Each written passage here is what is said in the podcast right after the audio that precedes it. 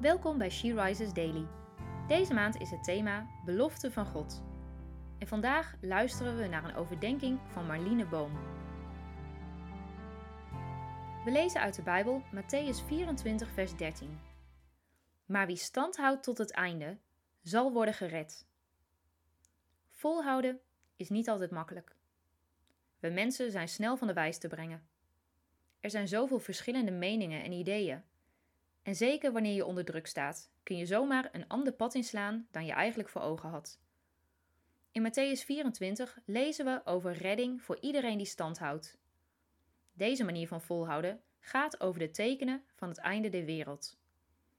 De discipelen vragen aan Jezus: Wanneer zullen deze tekenen gebeuren?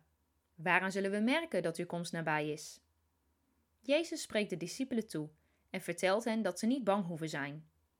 Ook wanneer de tekenen van de wereld erop wijzen dat het einde nabij is. Oorlogen, valse profeten die misleiden, volken die tegen elkaar opstaan, hongersnoden, etc.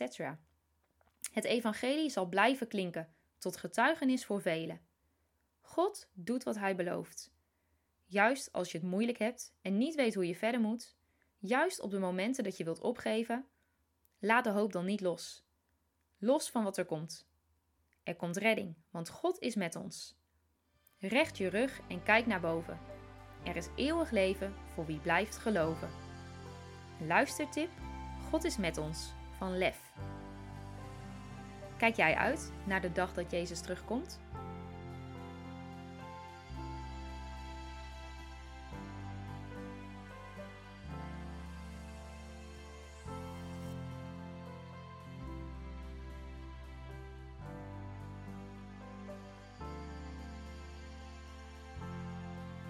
Laten we samen bidden. Lieve Vader in de hemel, we willen u danken dat, hoe de omstandigheden om ons heen ook zijn, we altijd op u mogen kijken. God, u bent een God die doet wat hij belooft.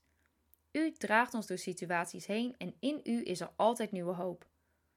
We mogen naar boven kijken en vertrouwen en geloven in het eeuwig leven wat voor ons ligt.